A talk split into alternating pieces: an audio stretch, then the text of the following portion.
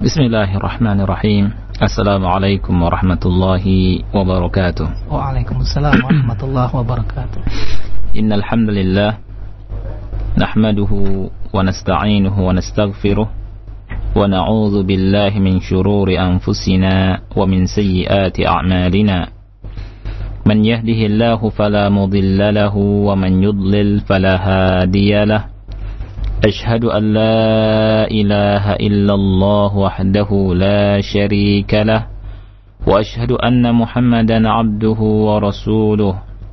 يا أيها الذين آمنوا اتقوا الله حق تقاته ولا تموتن إلا وأنتم مسلمون. يا أيها الناس اتقوا ربكم الذي خلقكم من نفس واحدة وخلق منها زوجها وبث منهما رجالا كثيرا ونساء. واتقوا الله الذي تساءلون به والأرحام.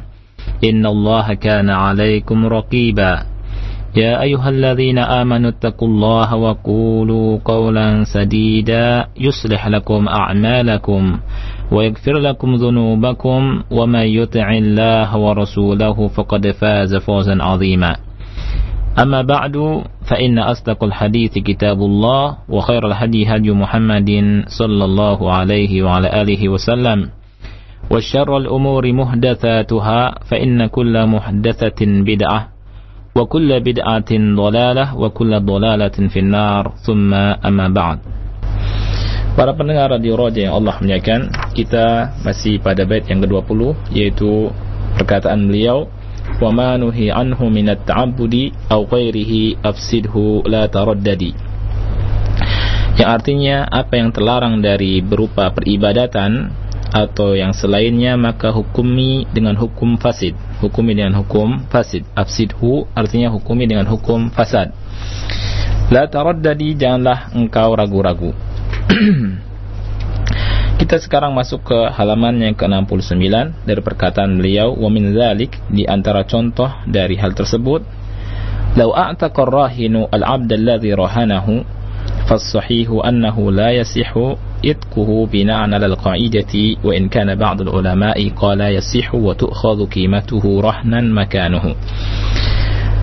Uh, di antara hal yang terlarang dari uh, muamalah adalah orang yang uh, menggadaikan sesu, uh, ham budak ya orang yang menggadaikan budak yang uh, orang yang memerdekakan budak orang yang rohin artinya orang yang menggadaikan budak kemudian memerdekakan budak tersebut maka yang sahih bahwa uh, itkuhu la yasih tidak sah ya dimerdekakannya itu perbuatannya itu terbangun di atas kaidah ini.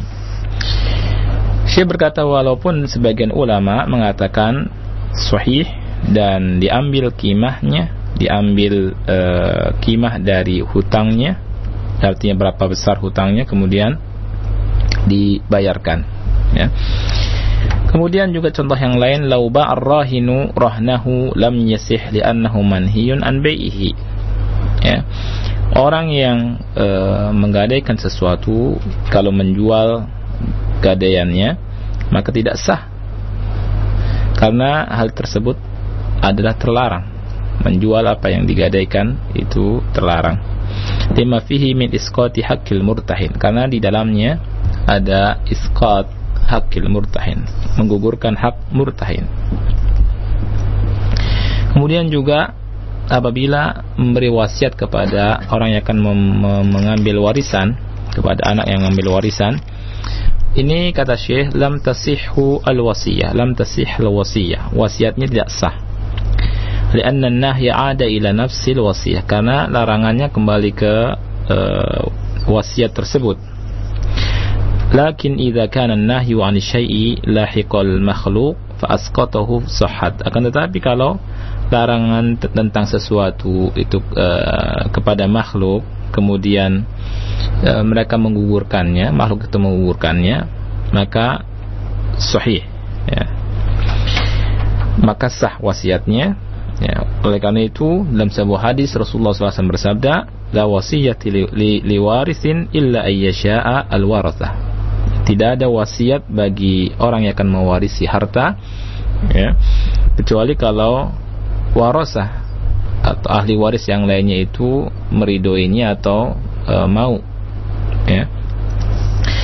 Kemudian kama law ba'a ar-rahna wa wafaqa al-murtahin 'ala al-bai' seperti e, orang yang menjual barang e, gadaiannya kemudian si murtahinnya ini e, setuju maka itu baiknya sah. Fa innal bai'a yasihu 'ala al-qawl rajih. Baiknya jual belinya sah. Menurut pendapat yang uh, kuat alladhi huwa jawaz tasarruf al-fuduli kata beliau. Kita lanjutkan. Lau ba'al insanu syai'an majhulan lam yasih al-bai' apabila seseorang menjual sesuatu yang majhul tidak diketahui apa yang dijual eh, maka eh, jual belinya tidak sah Kenapa demikian? Li'annahu manhiyun anhu bidzatihi. Ya karena terlarang. Secara zatnya terlarang. Didasari dengan hadis Abu Hurairah radhiyallahu anhu bahwa Nabi sallallahu alaihi wa alihi wasallam bersabda naha an bai'il gharar. Bahwa Nabi sallallahu alaihi wasallam itu uh, kata Abi Hurairah melarang uh, bai' al-gharar. Bai' gharar adalah bai' yang majhul, bai' yang tidak diketahui. Nah, kemudian contoh yang lain di antara masalah uh, wa manuhi anhu minat ta'abbudi aw ghairihi apa yang dilarang dari berupa peribadatan dan yang lainnya itu tidak boleh dilakukan dan hukumnya fasid dia contohkan adalah wa fin nikahi law tazawwaja al-insanu bi aqdi shighar kana al-aqdu fasidan dalam masalah pernikahan. Kalau seseorang menikah, kalau seseorang menikah dengan akad akad syighar, nikah syighar, kan al-aqdu fasidan, maka akadnya adalah akad yang fasid, akadnya akad fasid, ya. Akadnya batil. Karena apa? Karena Nabi sallallahu alaihi wa alihi wasallam naha. Karena Nabi sallallahu alaihi wa alihi wasallam melarang asyighar, melarang asyighar, melarang nikah syighar, ya. Apa yang dimaksud dengan nikah syighar? nikah syighar adalah ayyuzawwij al-insan muliyatahu. Ya. Seseorang me menikahkan mulia tahu. Mulia tahu ini bisa adalah e, anaknya atau saudarinya. Ya. Ala ayyuzawwijahu al-akhar tahu dengan syarat dengan syarat yang lainnya atau yang dinikahkan menikahkan dia dengan anaknya atau e, saudari perempuannya. Ya biduni mahrin dengan tanpa mahar atau bimahrin yankusu an mih an mahrin misliha adatan ataupun dengan mahar yang di bawah mahar misl. Bawah mahar misl ini adalah menurut uruf misalkan kakak-kakaknya maharnya misalkan eh, satu juta atau biasa kalau berbicara dengan orang Arab maharnya tinggi ya. Nah, kita misalnya di Indonesia misalkan itu maharnya misalkan biasanya misalkan eh, satu juta misalkan ya. Kemudian si yang nikah syigor ini dah nggak pakai mahar misalkan ya. Atau lihat kakak-kakaknya, adik-adiknya itu mahalnya sekitar segitu saja. Dia tidak usah mahar atau maharnya kurangi misalkan 100 ribu atau 500 ribu di bawah mahar itu dengan perjanjian ini. Ya artinya di bawah mahar kebiasaan wanita yang ada. Ini adalah nikah yang batil. Nikah yang batil. Nikah sigor ini saya bacakan sebagaimana dalam sabda Rasulullah SAW dalam hadis Sahih Muslim dari Abu Hurairah radhiyallahu anhu bahwa Rasulullah sallallahu alaihi wasallam naha 'anil syighar, melarang nikah syighar. Ya. Wasyigharu yaqula ar-rajulu lir-rajuli dan syighar itu adalah seseorang berkata kepada orang lain seorang laki-laki berkata kepada laki-laki yang lain zawwijni ibnatak misalkan ya nikahkanlah aku dengan putrimu misalkan wa uzawwijuka ibnati. Kemudian saya akan nikahkan engkau dengan putriku. Atau zawwijni ukhtak wa uzawwijuka ukhti. Nikahkan aku dengan saudarimu. Niscaya aku akan menikahkan uh, engkau dengan saudariku. Ah, ini nikah namanya nikah syigar dan ini hukumnya haram. Syarat akad seperti itu. Dia mensyaratkan dengan sesuatu yang uh, tidak tidak di uh, dan benarkan dalam syariat. Ya. Kemudian juga ini merugikan dan uh, mengekang wanita tentunya dan ini sesuatu yang tidak sesuai dengan syariat Islam. Nah, kemudian amma law zawaja ahaduhum al-akhar bimahrin wa radiyat kullun minal mar'ataini wa kana kullun minar rajulaini kuf'an lil mar'ati fahadha laysa bisyighar illa ala ra'yi ba'di ahli ilmi kata Syekh adapun kalau salah satu dari keduanya menikahkan yang lain dengan mahar kemudian setiap wanita itu ridha dari dua wanita tersebut ridha ya dan setiap laki-laki dari dua laki-laki itu kuf'an satu kufu. Artinya sebanding dengan wanitanya. Menurut pendapat dari Syekh Muhammad Ibn Shalih Al-Utsaimin rahimahullahu taala beliau berkata fahadha laisa bisyighar ini bukan termasuk syighar ya. Berbeda dengan yang tadi pertama. Kalau pertama adalah akadnya fasid karena pertama e, dengan tanpa mahar atau di bawah mahar itu kemudian wanita tidak ridha. Nah, kalau ini kalau ini sama-sama ridha kemudian laki-lakinya satu kufu. Nah, kata beliau kalau begini itu bukan syigar. Nah, tetapi di sana ada pendapat yang lain sehingga Syekh Muhammad SAW berkata illa ala ra'i ba'di ahli ilm kecuali di atas sebagian pendapat uh, ulama Tentunya ada perbedaan ulama di sini sehingga Syekh mengatakan demikian. Contoh yang lain tentang akad yang uh, tentang uh, muamalah yang batil, yang fasid, kata beliau, walau tazawwaja fil iddati lam yasih. Kalau seorang menikah menikahi wanita di masa iddahnya, maka akadnya tidak sah. Akad nikahnya tidak sah sebagaimana pertanyaan dalam pekan yang lalu ya. Dengan dasar sabda dengan dasar firman Allah Jalla wa ala wala ta'zimu uqdatan nikahi hatta yablughal kitabu ajalah. Wa ya wala ta'zimu uqdatan nikahi hatta yablugha al-kitabu ajalah. Surat Al-Baqarah ayat 235 Allah Subhanahu wa taala berfirman dalam ayat yang mulai ini, janganlah kalian ya berazam untuk melakukan akad pernikahan sampai masa iddahnya itu selesai. Nah, ini uh, surat Al-Baqarah ayat 235. Ayat ini jelas sekali Allah Subhanahu wa taala melarang seorang menikah dengan wanita apabila wanita tersebut eh, imma ditinggal mati suaminya atau ditinggal cerai oleh suaminya kemudian dalam masa iddah kemudian ada yang datang. Nah, kemudian menikahi. Permasalahan ini subhanallah banyak dilanggar oleh sebagian saudara kita. Karena tidak tahu masalah ini. Ya. ini musibah. Sebagian dari saudara kita itu menikah dengan wanita yang masih dalam keadaan iddah masa iddah tentunya nikahnya adalah nikah yang batil, nikah yang fasid.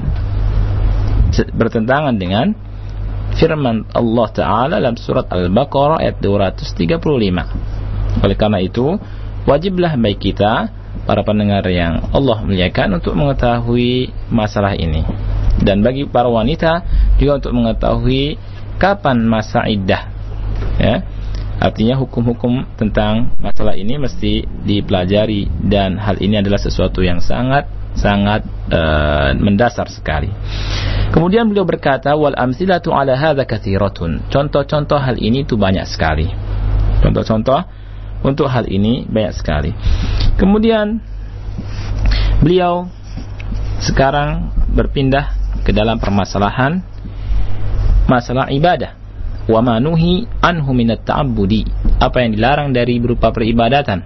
Apabila sebuah peribadatan yang dikatakan ini adalah ibadah kemudian tidak ada contohnya dari Nabi yang mulia alaihi wasallam atau ibadah ini dilarang ya maka ibadah ini adalah fasid adalah fasidah. Baik, apa dalil tentang fasadnya? Dalil tentang fasadnya adalah kata beliau wa dalilu fasadi ma nuhiya anhu minal ibadati qauluhu sallallahu alaihi wa ala alihi wasallam man amila amalan laisa alaihi amruna fahuwa raddun ay mardudun kata beliau. Dalil tentang fasadnya eh, apa-apa yang dilarang dari masalah ibadah adalah sabda Nabi yang mulia alaihi salatu wassalam man amila amalan. Barang siapa yang beramal dengan sebuah amalan Laisa alaihi amruna Yang tidak ada contohnya. Ya, Artinya laisa alaihi amruna Yang tidak ada di atasnya perkara kami Artinya tidak ada contohnya dari kami Ya. Fahuwa raddun Maka itu dia tertolak. Maka amalannya tertolak. Fahuwa raddun ay mardud ay mardud. Ditolak. Jadi inilah sesuatu yang mendasari bahwa sebuah peribadatan yang dilarang itu adalah tertolak. Apabila seseorang beribadah dengan sesuatu yang dilarang maka tertolak. Dan nanti akan diberikan contoh oleh beliau beberapa contoh. Seperti misalkan puasa pada hari Id. Ah saya mau uh, puasa. Ah puasa kan ibadah. Iya kan ya nggak ya Umar? Puasa ibadah ya. kemudian saya mau puasa di hari Idul Fitri. Ah, maka ibadah ini apa? Fasid fasid. Nah baik kita lanjutkan.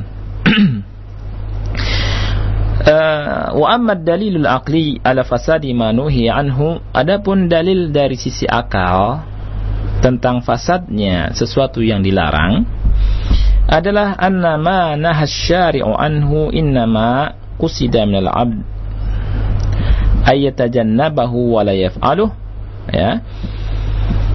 Bahwasanya apa yang dilarang oleh syariat sesungguhnya yang dimaksud yang diinginkan dari hamba adalah ayyatajannabahu ayyatajannabahu yang dituntut dari hamba adalah untuk menjauhinya. Wala yaf'aluh dan tidak boleh melakukannya ya. Hadha iqrarun lahu. Wal iqraru 'ala al harami haramun. Apabila kita membenarkannya ya berarti kita ikrar mengikrarkannya ikrar ini artinya menyetujuinya ya. Wal ikrar alal harami haram ya. Meng, uh, menyetujui hal yang haram adalah sesuatu yang haram.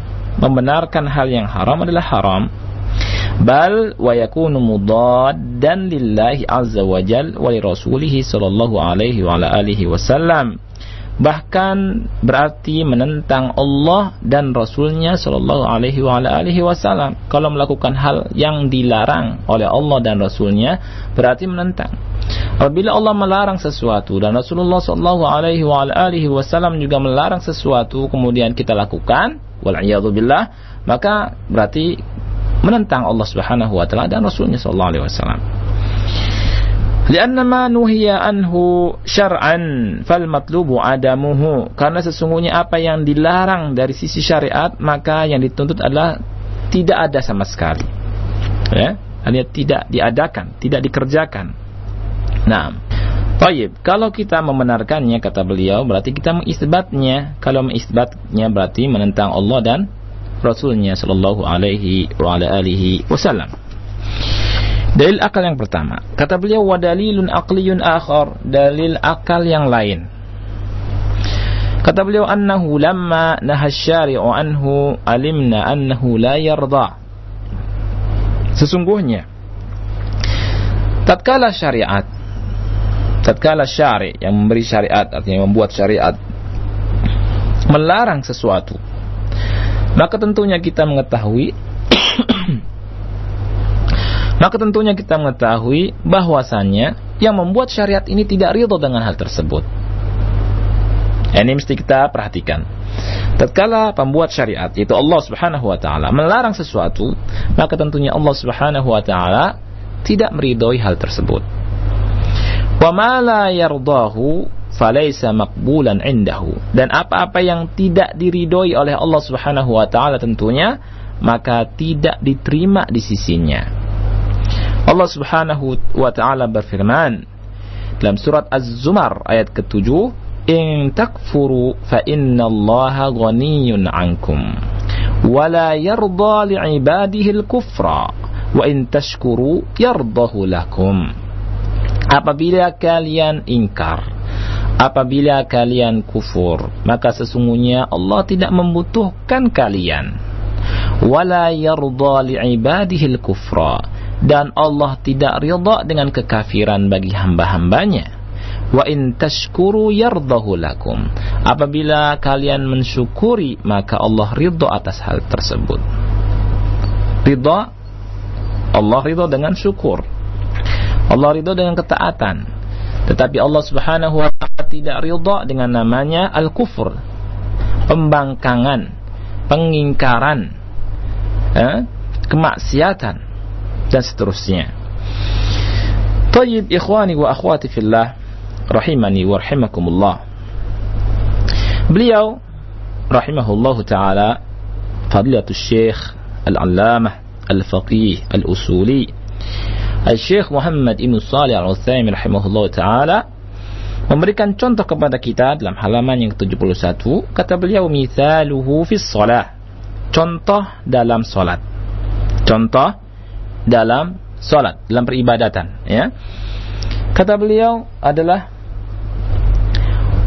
qaulun nabi sallallahu alaihi wa ala alihi wasallam sabda nabi sallallahu alaihi wa ala alihi wasallam لا صلاة بعد الصبح حتى تطلع الشمس ولا بعد العصر حتى تغرب الشمس hadis riwayat al-Imam al-Bukhari dalam kitab Mawaqit Shalah kemudian juga uh, al-Imam Muslim dalam kitab Salat al-Musafirin wa Qasriha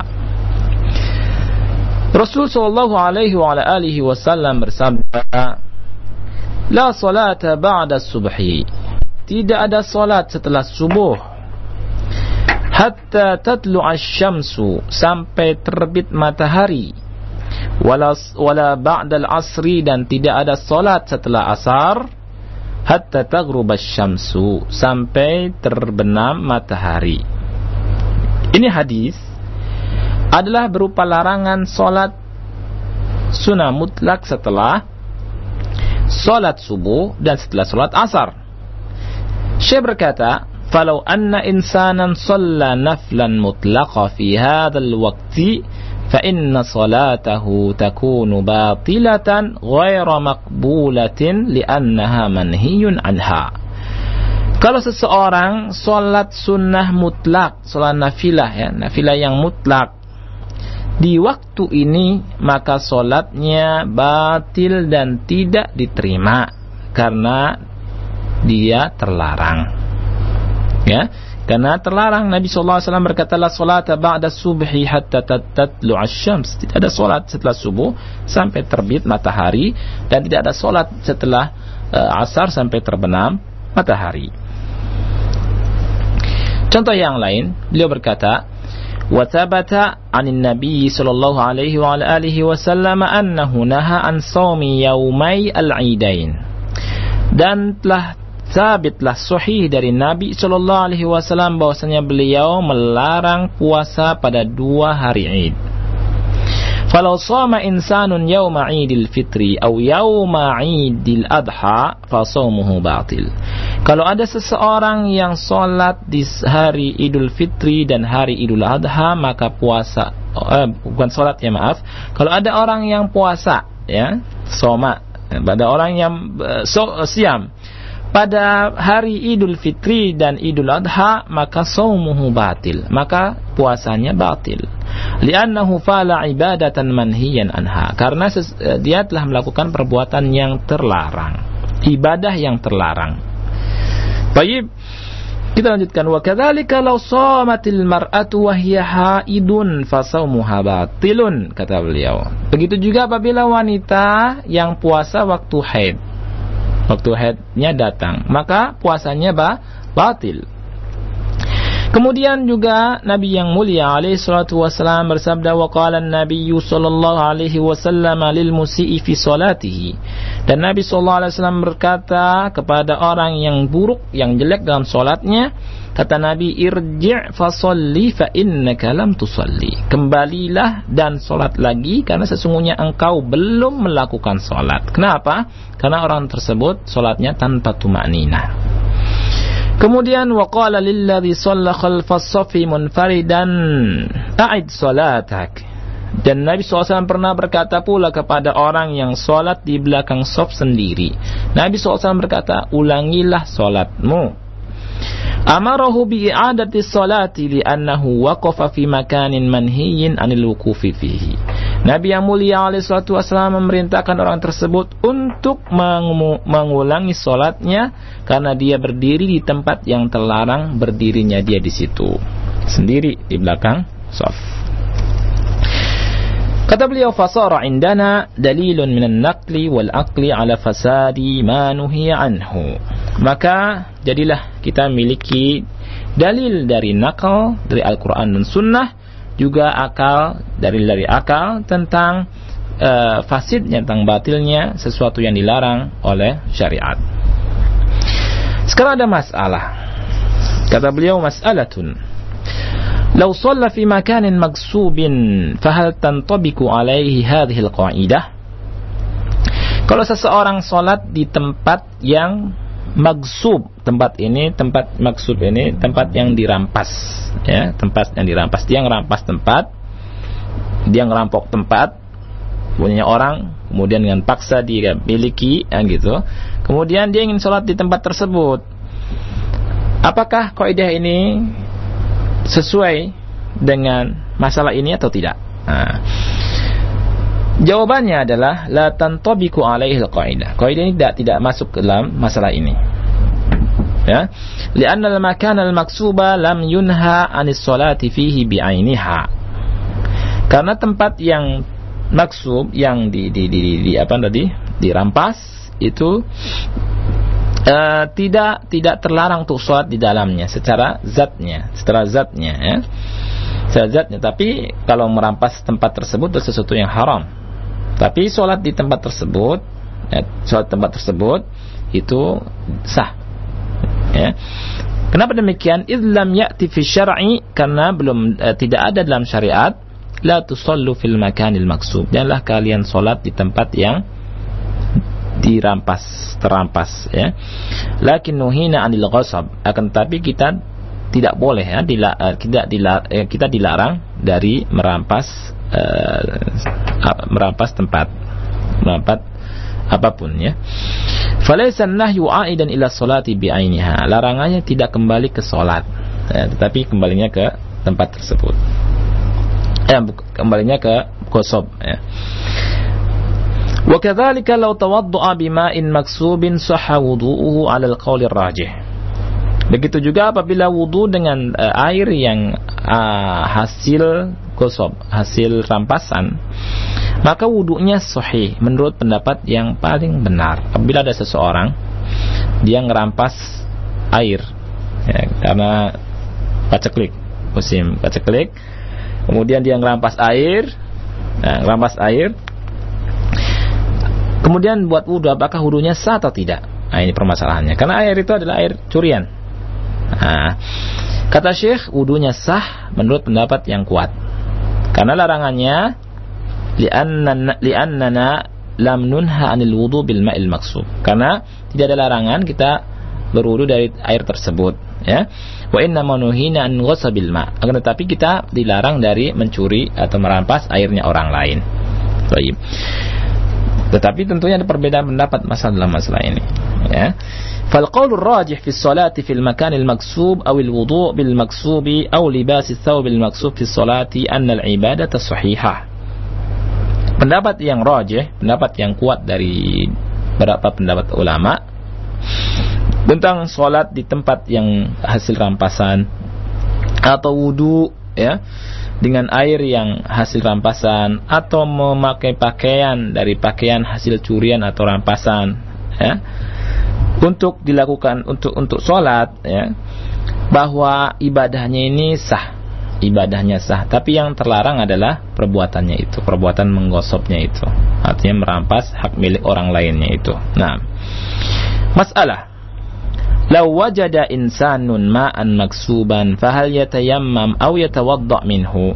Sekarang kalau misalkan ada seseorang misalkan Allah Umar mendapatkan air yang maksub, air yang uh, hasil rampasan itu. Sedangkan tidak ada air tidak ada air lain, tidak ada air lain. Apakah bagi beliau untuk wudhu dengan air tersebut dia tahu ini air rampasannya orang ini kan gitu atau tayam uh, tayamum nah wudu atau tayamum mana yang dipilih? Syekh berkata ya tayammamu wa la yatawaddau bihi. Hendaknya tayamum saja kalau mau sholat karena uh, sebentar. Dan kata beliau tidak berwudu dengan air tersebut. Tayamum dan tidak berwudu dengan air tersebut. Ya. Dia beral, beliau beralasannya e, bahwa air ini bukan miliknya. Ya. Fahadzal ma laisa milkan lahu fahuwa kal ma'dum air ini bukan miliknya maka diibaratkan seperti tidak ada sama sekali. Ya tidak ada. Adapun firman Allah Subhanahu wa taala falam tajidu ma'an fatayammamu. Kan gitu. Syarat dari dari tayamum kan apabila kalian tidak mendapati air. Tetapi di sini ada air. Nah, kata beliau air ini bukan miliknya. Air ini bukan miliknya Umar. Kan gitu. Maka ibaratnya seperti tidak ada aja. Oleh karena itu kita tayamum. Nah ini. Ini kata beliau dan pendapat beliau wallahu alam biswab. Inilah yang bisa uh, kita baca pada sore hari ini dan tidak nyangka ya selesai. Nah, ngebut ya. Bacanya ngebut. Baik, maaf muskilah ya. Nah. Tafadhal saya kembalikan ke Akhumar. Nah. Jazakallahu khairan atas materi yang telah antum sampaikan Ustaz di pembahasan album yang ke-20 ini. Dan alhamdulillah para pendengar semua kita telah selesaikan syair atau bait yang ke-20 dari pembahasan manzumah usul fiqh wa qawaidihi.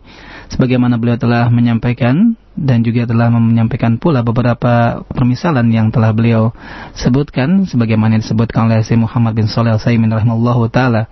Dan selanjutnya kami akan buka sesi soal jawab untuk Anda semua yang ingin bertanya kepada beliau seputar pembahasan yang kita bahas di sore hari ini untuk memperluas materi yang telah kita bahas. Dan sebelum kita buka sesi soal jawab, kami akan jeda beberapa saat ke depan. Setelah jeda berikut ini, Anda bisa bertanya kepada beliau di layanan telepon kami di 823 6543 ataupun di layanan SMS kami di 0819896543. Baik para pendengar semuanya, kami akan jeda dulu beberapa saat ke depan ini.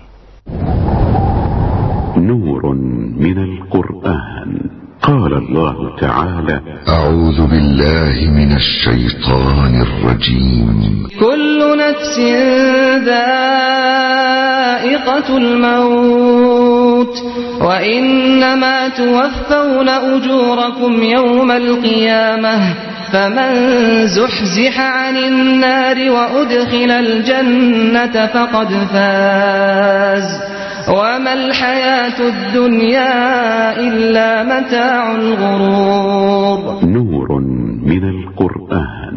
قال الله تعالى أعوذ بالله من الشيطان الرجيم. كل نفس ذائقة الموت.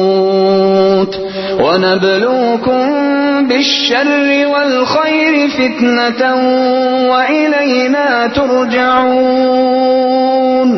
رجع راديو دعوة على السنة والجماعة للذاكرين والذاكرة Roja Radio Dakwah alusinna wal Jamaah. Lidzakirina. Assalamualaikum warahmatullahi wabarakatuh.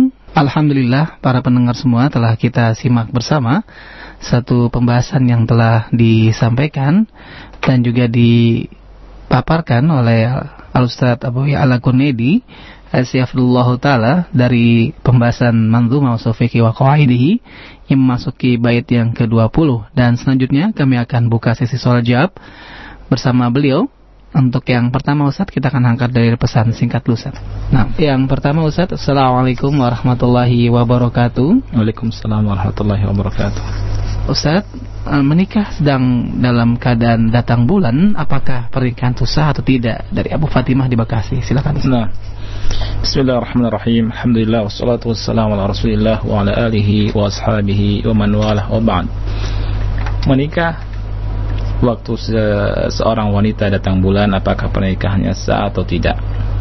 Tentunya adalah tidak ada syarat ya bagi seorang wanita menikah itu dalam keadaan atau melakukan akad pernikahan dalam keadaan tidak eh, head atau bersuci. Tidak ada syarat beda dengan tolak. Mentalak seorang wanita dalam keadaan head itu tolak bid'ah, tolak yang bid'ah. Tetapi kalau menikah dalam keadaan head wanita ini hukumnya sah. Tetapi bagi laki-laki tidak boleh menggauli wanita dalam keadaan haid itu saja. Wallahu a'lam bishawab. Nah, Artinya mungkin rugi buat yang nikah Ustaz ya. iya. Pada saat betul. itu buat laki-laki. Oh iya. Jazakallah khair Ustaz atas jawaban yang memberikan Ustaz. Iya. Baik, kembali pertanyaan dari pesan singkat. Assalamualaikum warahmatullahi wabarakatuh Ustaz. Waalaikumsalam warahmatullahi wabarakatuh. Ustadz, saudara saya menikah tanpa seizin wali karena alasan yang tidak syar'i, yaitu sekolahnya biar selesai dulu, Hmm. sehingga kemudian memakai jasa penghulu untuk menikahkan dan disyah, disahkan di KUA.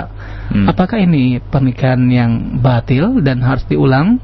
Di mana sekarang sudah punya anak dan akhirnya orang tua si wanita pun merestuinya Hmm. dari hamba Allah di Bekasi. Jazakallah khairan. Wassalamualaikum warahmatullahi wabarakatuh. Silakan Ustaz. Baik. Tentang pernikahan tanpa wali adalah eh, masuk ke sabda Nabi yang mulia alaihi salatu wassalam, la nikaha illa biwali. Tidak ada pernikahan kecuali dengan wali.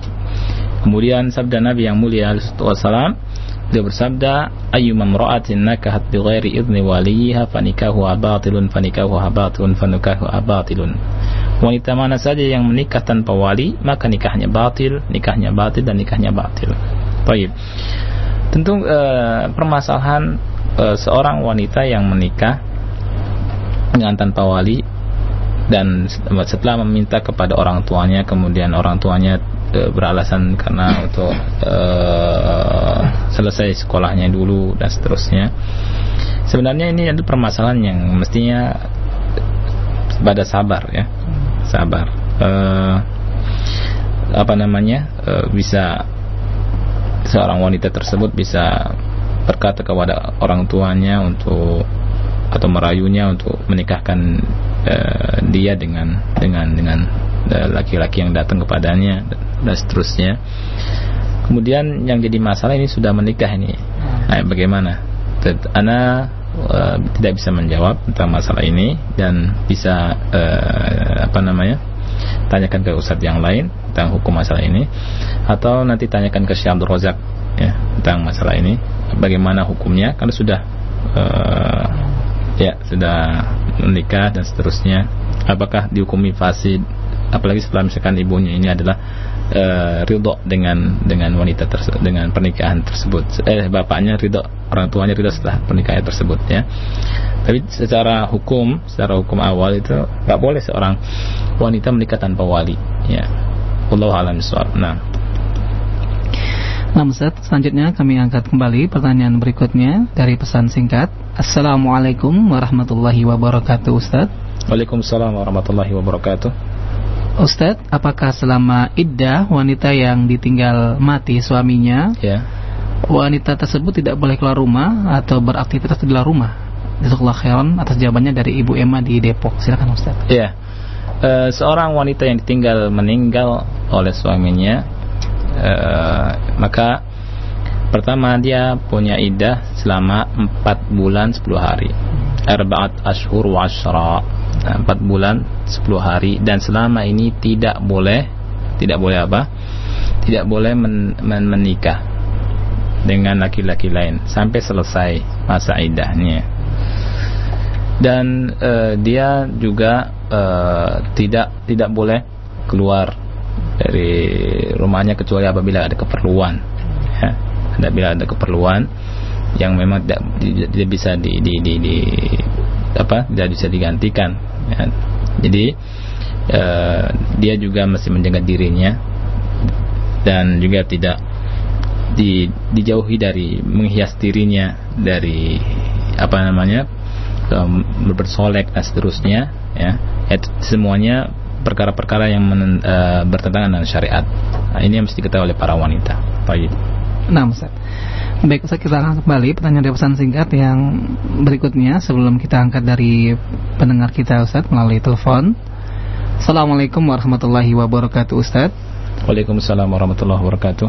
Ini tentang pernikahan yang biasanya terjadi di satu adat daerah yang di mana uh, biasanya tidak boleh menikah karena sebab masih hmm. ada satu keturunan.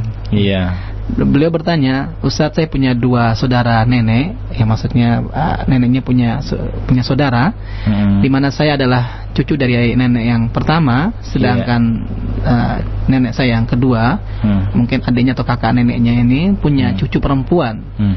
Pertanyaannya apakah saya boleh menikah dengan perempuan ini, yaitu cucu dari nenek kedua saya ini? Silakan. Ulang-ulangi gimana?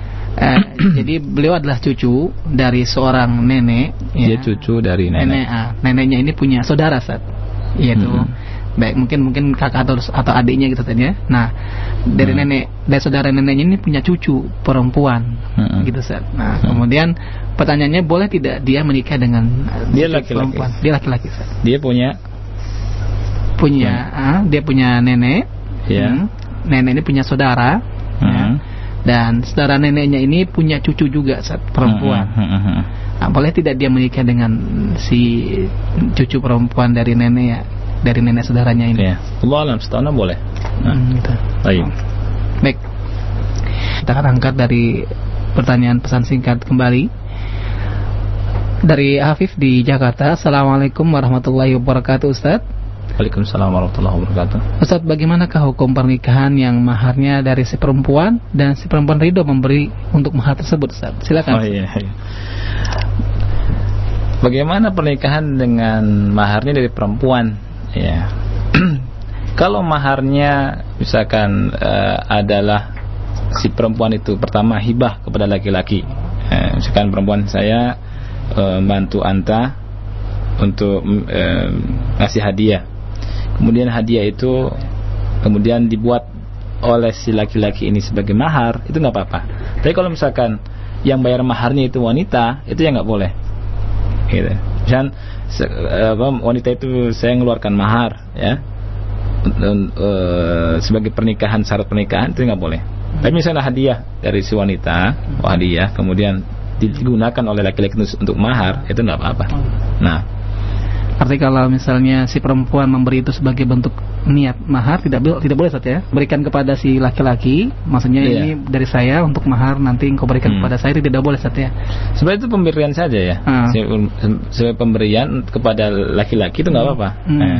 Hmm. Tapi kalau misalnya si wanitanya yang bayar mahar. Oh gitu. Iya. Hmm. Nah, kalau itu bantuan tuh nggak masalah. Betul. Nah, tapi kalau misalkan si wanitanya misalkan yang bayar mahar, Aha. itu yang nggak boleh. Biasanya Karena mahar itu wajib dari laki-laki. Iya. Dan laki-laki mestinya laki-laki yang punya izah jangan jangan terima itu. Hmm. Karena apa? Karena Rasulullah SAW itu untuk laki-laki memberitakan walau khotaman min hadid lihat hmm. kan walaupun cincin dari besi, besi kan gitu. Hmm. Jadi walaupun harga yang paling paling paling apa namanya? Paling murah ya. Paling murah ya, itu seperti itu. Nah, ini nah. biasanya terjadi di daerah Sumatera Barat. Ah, di Padang. Iya, biasanya iya. ada satu daerah yang dikenal dengan daerah Pariaman itu seperti itu. Ada adat masih uh -uh. masih terjaga seperti itu di mana hmm si perempuan membeli si laki-laki iya. dengan harga yang sangat mahal. Ah iya, nah, habis itu dan perempuan tuh yang nyerah suaminya. Iya. Eh, habis itu suami nggak punya apa-apa. Nah, Sana lo pergi kan gitu. Kalau ada masalah ya. Nah, ini musibah, muskilah. Nah, baik, baik, fadal. Nah, Ustaz, khair atas jawaban yang antum berikan dan selanjutnya kami akan angkat pertanyaan dari pendengar kita dengan Pak Eko sedang dalam perjalanan. Halo. Assalamualaikum Ustaz. Waalaikumsalam warahmatullah. Silakan Pak Eko. Ustaz saya mau nanya kan pernah ada satu permasalahan uh, yang saya bingung. Suatu ketika kita kan berangkat mau sholat, waktu itu sholat maghrib Iya. dan kita belum wudhu di rumah. Hmm. Kita berharap sampai masjid nanti Hah? wudhu di masjid. Wudu. Uh, tidak taunya ketika sampai di masjid, Hmm. sholat ikomah sudah ditegakkan, uh, Iya. sholat akan ditegakkan, ternyata airnya mati, tidak ada air. Hmm. Akhirnya kita sama jemaah ada beberapa orang itu yang ambil inisiatif, ah kita tayamu aja karena sholat ditegakkan. Apa ini benar atau bagaimana? Iya. Atau sebaiknya seperti apa Ustaz? Iya. Sebenarnya sih bisa untuk untuk pulang ke rumah, tapi nanti kita sudah ketinggalan, berarti sholat itu sudah selesai gitu Ustaz. Oh, nah. Terima kasih Ustaz ya. Iya. Terima kasih Pak Eko. Ya, Assalamualaikum warahmatullahi wabarakatuh. Waalaikumsalam warahmatullahi wabarakatuh. Silakan Ustaz. nah, eh, sholat itu syaratnya wudhu bersuci. Selagi ada air dan bisa dijangkau, maka tidak boleh bertayamum. Kalau dalam kondisi seperti itu, itu hendaknya kembali lagi ke rumah dan ber- berwudhu. Kemudian terlambat dan bukan salahnya bapak, kan gitu. Bapak sudah berangkat berniat untuk mau sholat berjamaah dan dan ber, ingin berwudhu di masjid. Ya, kemudian ternyata tidak ada. Atau cari ke tetangganya yang sekitar situ kayak saya, saya kira ada kan gitu atau kembali ke rumah wudhu kemudian kembali ke masjid kalau sudah terlambat itu eh, bapak tinggal sholat Ya, nah. Tetapi sebenarnya sunnahnya perlu diperhatikan sunnah eh, kita sholat berjamaah itu wudhunya di rumah. Ya kan? Kata Nabi Sallallahu Alaihi hadis yang Bukhari dalam saya Bukhari orang siapa yang mendatangi masjid ya kan? Kemudian dia itu melakukan wudhu ya kemudian keluar dari rumahnya ya tidaklah dia kata Rasul tidaklah keluar dari rumah kecuali karena sholat kan gitu. Langkah kakinya langkah kakinya setiap langkahnya dihitung apa di, nah, diangkat derajatnya dan dihapuskan dosanya ya bahwa hadisnya Rasulullah SAW itu menggambarkan bahwa wudhunya di rumah nah, ini jadi ini yang mesti diperhatikan oleh kita semua wallahu a'lam bishawab. Nah, bahwasanya Iya. jangan membiasakan diri untuk belum beruduk apa menuju masjid. betul Ah, ini juga kejadian dikhawatirkan seperti itu tadi Ustaz ya. betul Hmm. Ah, betul lah Umar masya Allah Nah, taklif mumtaz Barakallah. Taufik barakallah Nah, baik Ustaz, kita akan kembali pertanyaan berikutnya dari pendengar kita. Halo. Halo, Assalamualaikum. Waalaikumsalam Waalaikumsalam warahmatullahi wabarakatuh. Dengan siapa dan di mana nih, Umu? Dengan Umu Titi di Ciputat. Iya, silakan Umu. Uh, Ustaz, Assalamualaikum warahmatullahi wabarakatuh. Waalaikumsalam wa fiik barakallah. Saya mau tanya, saya pernah mengikuti suatu kajian di mana di situ jamaahnya harus mengikuti pengulangan pembacaan syahadat Hmm. uh, setelah kami di Bayat. baca syahadat dibayat ya. Hmm. Nanti tiap bulan kami disuruh Bayar. bayar infak lah gitu. Iya. Apakah itu udah sesuai dengan syariat Islam Mm-mm. atau batil? Iya. Terima kasih atas jawabannya. Iya. Terus sebentar, sebentar, sebentar. Ya, Ibu sudah keluar dari jamaah itu. belum. Harus keluar. Caranya bagaimana? Caranya sudah keluar saja. Jangan mengikuti Jangan ikutin kajian mereka sudah. Ikut aja kajian-kajian yang disiarkan di Roja. Nah, iya, terima kasih Ya. Ibu Siti. Nanti insya Allah akan beliau jelaskan. Iya, saya jelaskan insyaallah. Ya. Assalamualaikum. Waalaikumsalam warahmatullahi wabarakatuh. Silakan Siti jelaskan. Ustaz. Baik. Tentang mengikuti sebuah jamaah, kemudian masuk ke jamaah tersebut, kemudian jamaah tersebut meminta bersahadat lagi, ini batilun, batilun, batil. Ya, min abtulil batil. Di antara kebatilan yang paling batil di atas muka bumi ini. Ya, memerintahkan seorang muslimah atau seorang muslim bersahadat lagi. Baik, menyimpang dari sabda Nabi yang mulia alaihi salatu wassalam yang Rasul SAW bersabda ma min mauludin illa yuladu alal fitrah fa abawahu yuhawwidanih au yunassiranih au yumajjisanih kata Nabi yang mulia alaihi salatu wassalam tidaklah seorang yang dilahirkan bayi yang dilahirkan melainkan lahir dalam keadaan suci dalam keadaan fitrah Fabawahu maka kedua orang tuanya lah yang menjadikannya dia menjadi Nasrani atau Yahudi atau Majusi. Ya. dari hadis yang mulia ini para ulama di antaranya Ibn Abil Aiz dalam syarah akidah Tahawiyah beliau berkata bahwa orang muslim itu tidak tidak yang lahir dari orang tua muslim itu muslim ya. Dan muslim keturunan itu ada. Ya. sebagian orang-orang haroki mengatakan ya ini kalimatnya uh, benar. Lakin yuradu bihal batil. Ya. Dikatakan lihat orang Islam keturunan kita ini kita ini Islam keturunan sehingga jelek kan gitu. Kata siapa jelek? Islam keturunan bagus ya akhi. Ya. Alhamdulillah kita masih bersyukur karena orang tua kita muslim walaupun keturunan lebih baik daripada orang kafir. Kan gitu. Baik. Jadi apa yang dilakukan oleh jamaah tersebut? Ibu yang bertanya tadi itu bertentangan dengan syariat Islam. Bertentangan dengan hadis tadi yang saya baca. Ya. Tidak ada. Ya tidak ada itu keterangannya. Bahkan ulama itu e, mengatakan itu bid'ah. Itu sesuatu yang baru dan sesat dan menyesatkan. Oleh karena itu maka nasihat dari ana keluar dari e, jamaah tersebut ya karena jamaah itu jamaah yang menyimpang ya ya jadi apa sekarang gini sekarang pertanyaan saya kenapa e, mesti syahadat lagi Alasannya apa coba? Alasannya banyak kemungkinan. Iya. Tapi kemungkinan yang paling besar adalah apa? Karena menganggap ibu kafir, menganggap di luar kelompoknya kufar, orang-orang kafir, sehingga mesti tashih syahadat lagi, memperbaiki syahadatnya lagi dengan mengucapkan syahadat di depan imamnya. Imam yang jahilun murakkabun, imam yang jahil dan murakkab.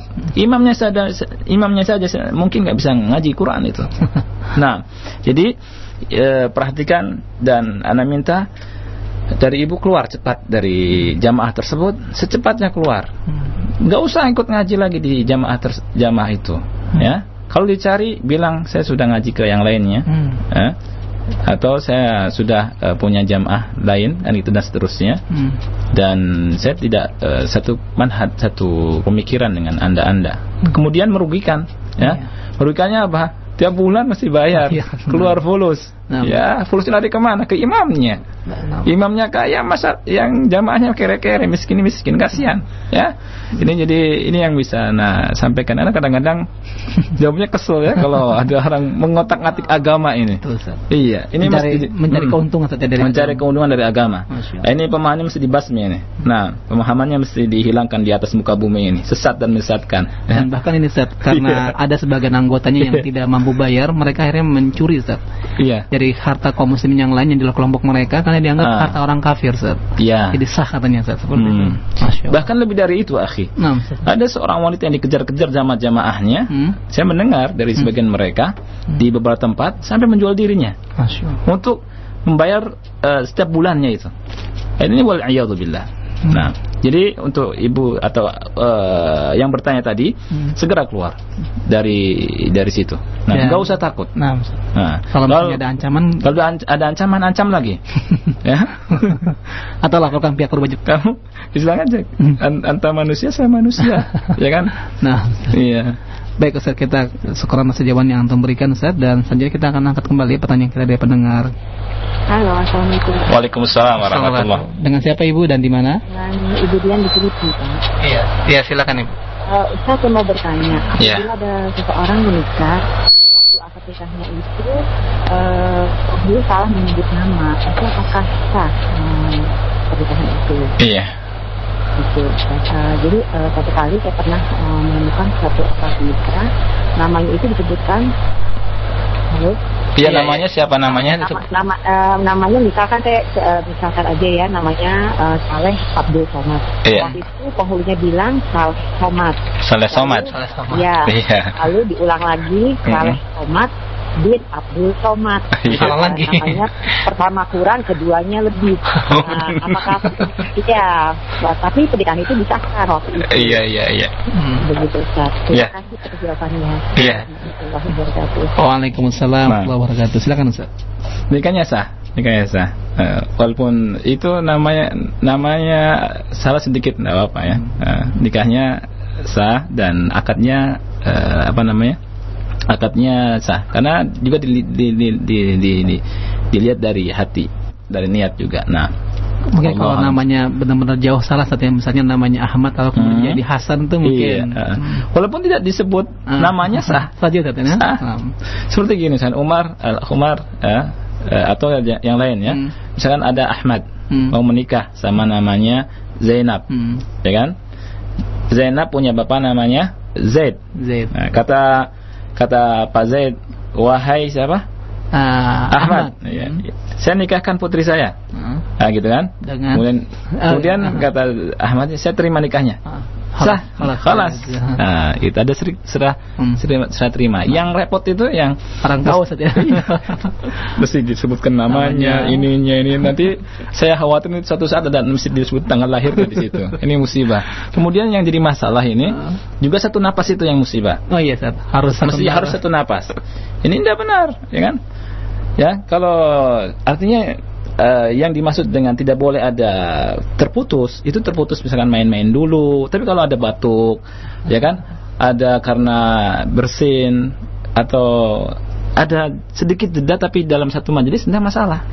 Yang nggak boleh itu terputusnya misalnya kita saya, saya nikahkan kamu kemudian si yang siapa namanya si Ikhwannya. ikhwannya ini Ke belakang, Ustaz, ke ya? belakang dulu ah, kan gitu. Ya itu baru nggak sah kan gitu. Nah ini mesti diketahui. Nah Nah, Ustaz. Baik, Ustaz, kita akan angkat kembali dari pesan singkat terlebih dahulu, Ustaz. ya. Assalamualaikum warahmatullahi wabarakatuh, Ustaz. Waalaikumsalam warahmatullahi wabarakatuh. Ustadz saya ketinggalan salat berjamaah dan tidak mendapatkan tempat lalu kita merampas ya, tempat salat dalam sof yang ditempati anak-anak bagaimana hukumnya dari ibu Iya. yang di Pondok Aren silakan Ustaz. Iya. Nggak boleh merampas tempat yang menyingkirkan anak-anak kata Syekh Muhammad SAW nggak boleh. Karena yang berhak untuk menempati itu yang pertama kali duluan. Itu hukumnya. Wallahu a'lam. Nah. Ini ada fatwa dari Syekh Muhammad SAW. Nah, Nah, Ustaz. Jazakallah khairan atas jawaban yang antum berikan Ustaz. Kami akan angkat kembali dari pertanyaan melalui pesan singkat Ustaz. Assalamualaikum warahmatullahi wabarakatuh Ustaz. Waalaikumsalam warahmatullahi wabarakatuh. Ustadz tadi dikatakan bahwa orang yang mendiamkan berarti mendukung atau untuk melawan atau menantang Allah. Bagaimana kalau sudah diberitahu tapi tetap tidak dilakukan? Bagaimana sikap kita? Apakah harus kita jauhi dari monopol di Bogor? Silakan. Mendiamkan siapa? Wallah alam mungkin mendiamkan berarti mungkin mendiamkan orang yang Mm-mm. tidak beribadah kepada Allah ya, Mm-mm. atau orang yang eh, tidak menjalankan syarat Allah. Ya. Mm-mm. Apakah kita berarti men- eh, telah men- mendukung atau melawan atau menentang Allah seperti itu? Hmm, ya. Eh, tentunya beramar ma'ruf dan nahi mungkar ini masuk dalam masalah amar ma'ruf nahi mungkar mesti punya fikihnya. Nah, Ya. mm. Eh, tentang masalah kemungkaran yang ada dan seterusnya kemungkaran bentuknya dua meninggalkan apa yang Allah perintahkan dan melakukan apa yang Allah larang ya kan tentunya bagi kita itu masuk dalam hadis Nabi yang mulia alaihi salatu wasallam ses- sesuai dengan kadar kita tentunya. Man ra'a minkum munkaran falyughayyirhu bi barang siapa di antara kalian melihat kemungkaran maka hendaknya rubah dengan tangannya. Fa illam yastati' fa apabila tidak mampu maka dengan lisannya. Fa illam yastati' fa bi qalbi apabila tidak mampu maka dengan hatinya. Ya. Eh, kita kalau kita melihat kemungkaran tersebut kita melihat kemungkaran tersebut apabila eh, kita mampu menasehati orang yang melakukan kemungkaran ya. Kemungkaran apa saja kita nasihati ya. Apabila kita tidak mampu menasihati maka minimal kita mengingkari dalam hatinya. Dan dan ini tidak termasuk dalam eh, menentang Allah Subhanahu wa taala tentunya ya.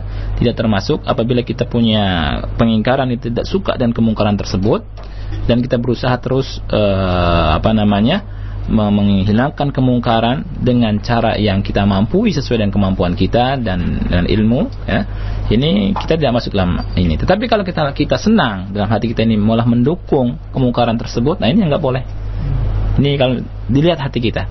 Kalau mulai kita senang dengan kemungkaran tersebut ah, ini yang termasuk menentang Allah Subhanahu wa taala. Nah Nah, Ustaz, terima kasih atas jawabannya yang antum berikan Ustaz dan selanjutnya kami akan angkat kembali dari pendengar kita dengan Ibu Yati di Kalijati. Halo. terakhir ya Nah, Ustaz, ini yang terakhir insya Allah.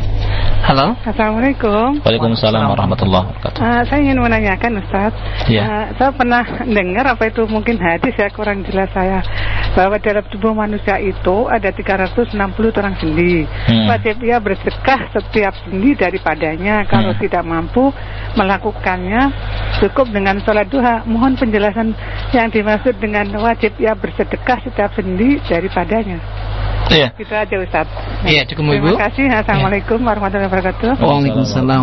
Silakan. Wallahu alam itu adalah hak dari tubuh kita untuk kita sedekahkan. Itu adalah sabda yang Nabi yang yang sahih dan eh, dalam ada di kitab eh, Arba'in Nawawi bisa dibaca di situ dan apa yang disampaikan oleh Ibu betul. Tetap eh, dan itu adalah merupakan anjuran yang sangat dari Nabi Sallallahu Alaihi Wasallam agar kita ini bersedekah Eh, kemudian itu tercukupi dengan sholat rokaat eh, dua rokaat sholat duha. Wallahu a'lam bishawab karena waktunya sudah habis ya. Mm, Kita nah. sampai sini. Insya Allah kita lanjutkan pekan depan. Nah, Baik. Ini saja yang bisa saya sampaikan. Mudah-mudahan bermanfaat dan eh, mudah-mudahan kita semua bisa mengambil faedah dari eh, apa yang dibacakan pada sore hari ini. Eh, apa- eh, eh, saya minta maaf karena PR-nya belum dijawab ya Iya. pekan kemarin. iya, Ya, insyaallah nanti. Taib kita tutup subhanakallahumma bihamdika asyhadu an la ilaha illa anta astaghfiruka wa atubu ilaik. Assalamualaikum warahmatullahi wabarakatuh.